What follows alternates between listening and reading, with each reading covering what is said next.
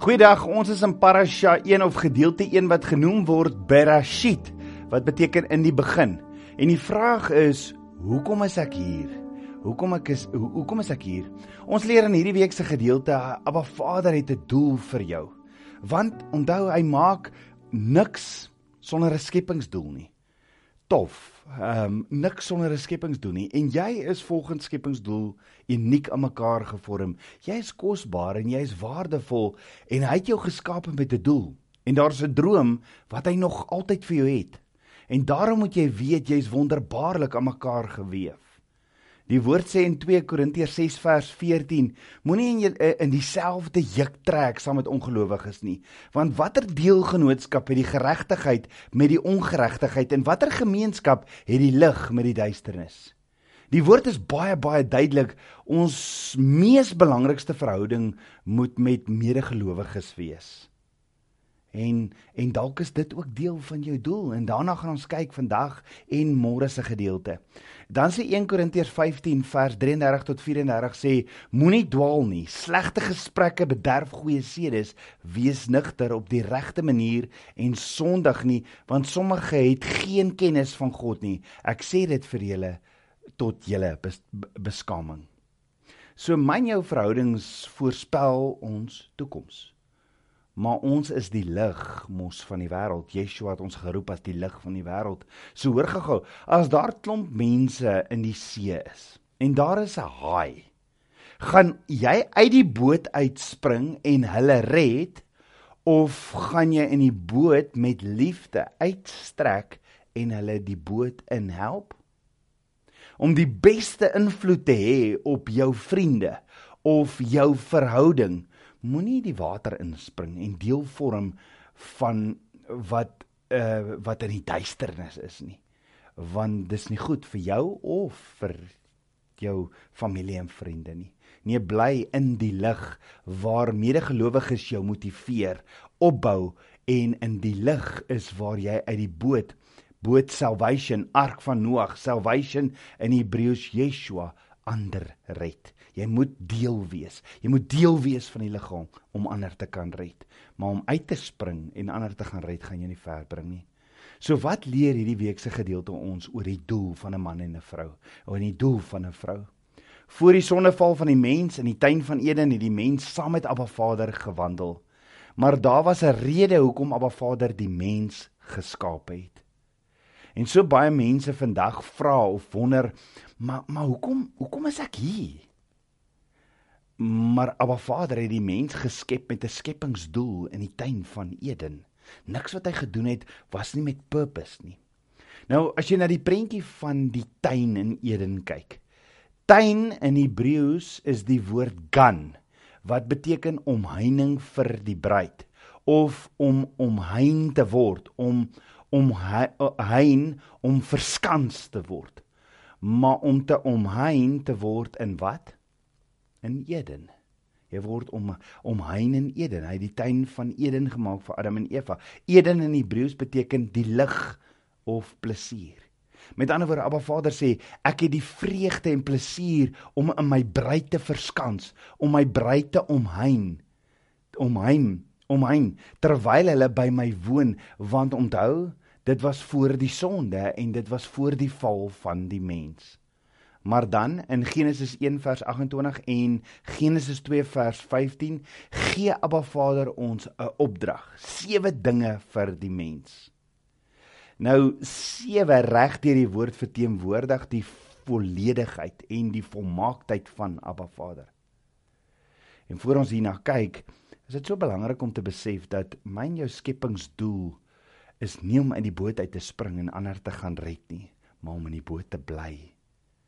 So kom ons kyk na hierdie sewe, hierdie volmaaktheid waarmee Abba Vader my en jou gemaak het. So in Genesis 1 vers 28 gee hy vir ons 5 dinge en dan in Genesis 2 vers 15 nog 2.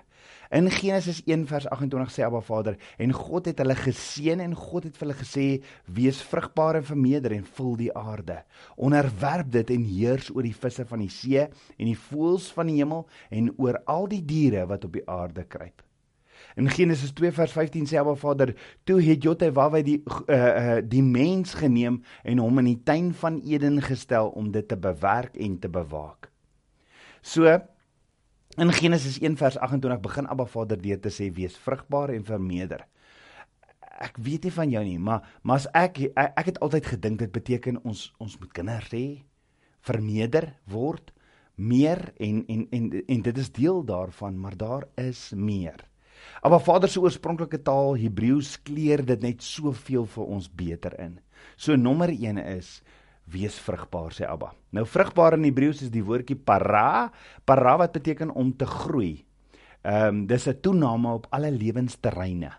Maar hoor gou, dit be, dit begin met die grondslag hoe om te groei en te vermeerder, naamlik om die vrug van die Gees te dra. Met ander woorde, Abba Vader sê, ons moet groei en vermeerder, maar ons moet in die eerste plek die vrug van die Heilige Gees, die vrug van Ruach HaKodesh dra en dan ook toeneem in ons natuurlike lewe. Dan sê Abba Vader nommer 2, jy moet vermeerder. Nou die Hebreëse woord vir vermeerder is rava wat beteken jy sal toeneem in alle aspekte en lewensgebiede deur in geestelike gesag te wandel. Dan die wortelwoord in Hebreëus vir vermeerder is 'n aksiewoord, naamlik dit neem amper toe soos sout en lig. Om dit te verduidelik, as jy 'n lig in 'n gebou aanskakel, versprei die lig vinnig en verdryf dit die duisternis. Die duisternis het geen krag teen die lig nie en dieselfde met sout. As jy kos in 'n pot vat en jy gooi sout in die pot, dit versadig alles. Dit versadig nie net 'n deel van wat in die pot is nie. Die sout versadig alles wat aan die pot is en dis die prentjie van om te vermenigvuldig om aan alle gebiede toe te neem.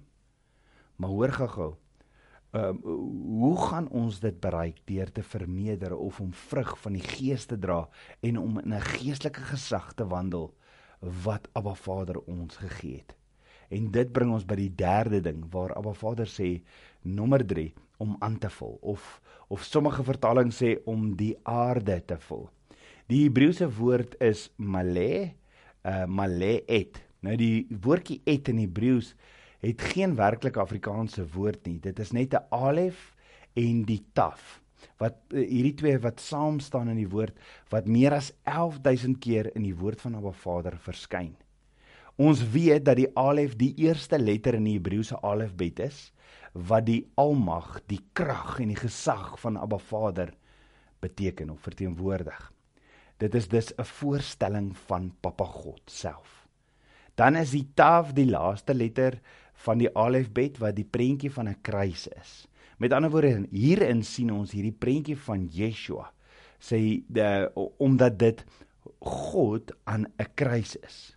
Ons weet dat Yeshua mens geword het aan aan 'n uh, mens geword het en aan Abba Vader gehoorsaam was tot die kruis.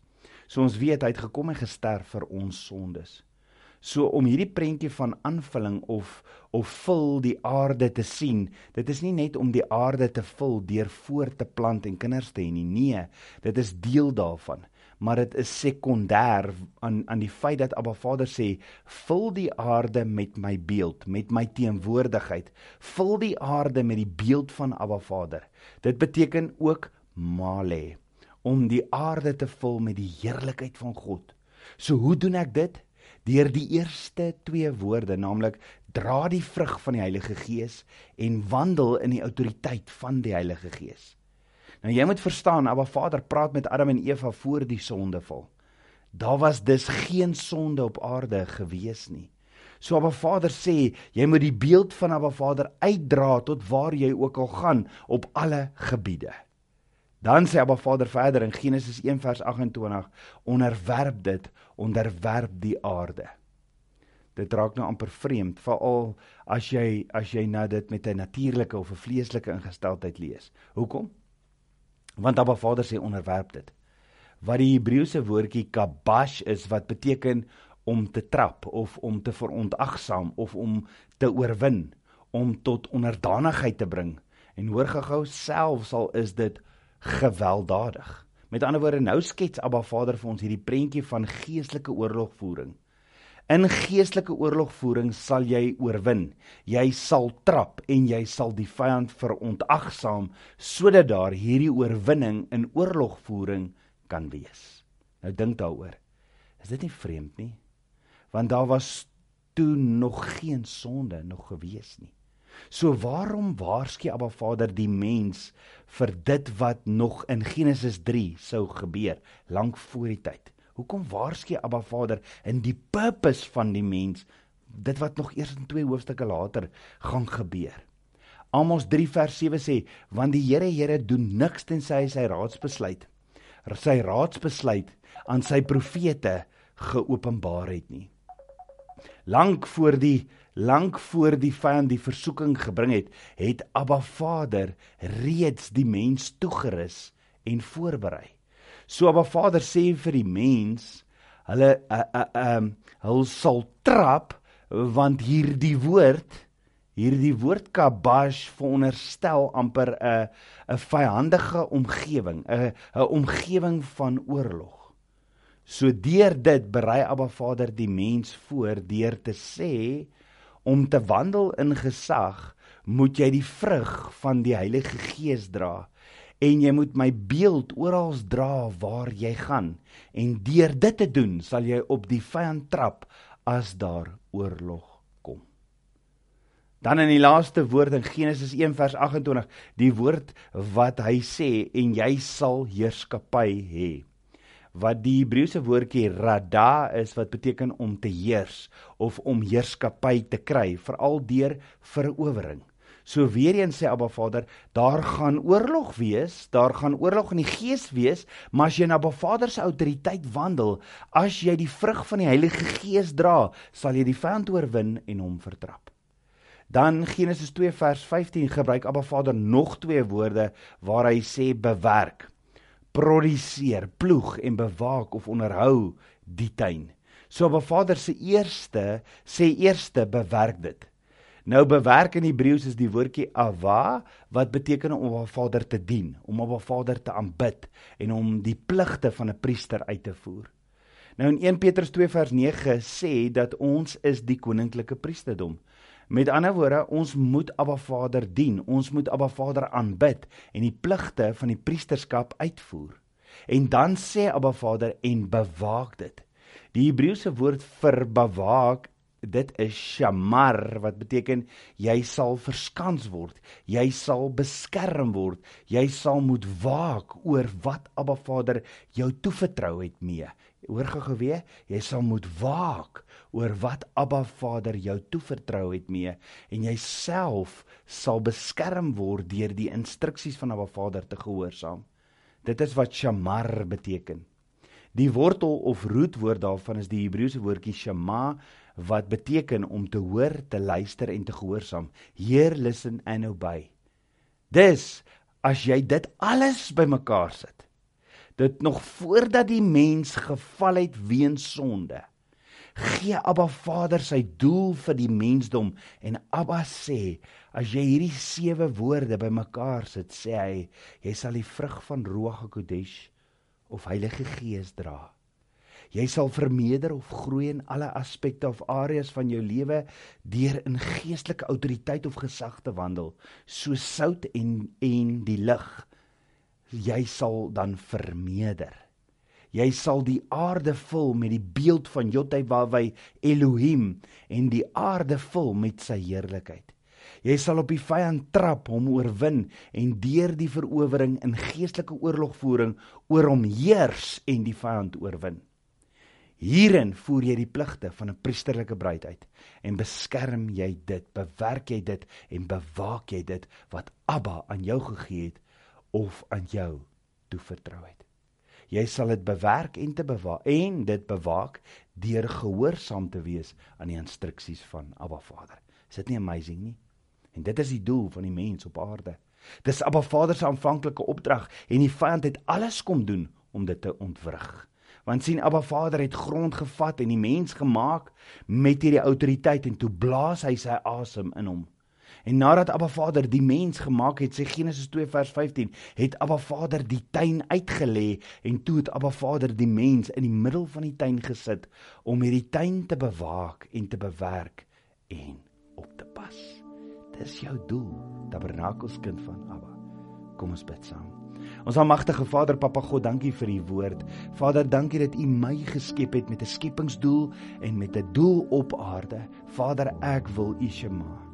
Ek wil vra Vader, vergewe my sondes deur die bloed van die lam. Was my met die water van die waterbad van u woord en kom leef in my. Mag ek die vrug van Ruach dra sodat ek hierdie purpose, hierdie doel wat u vir my het, kan leef om alles u te verheerlik. Ek bid dit alles in Yeshua HaMashiach se naam, die seun van Jotai Wawai. Amen. Shalom.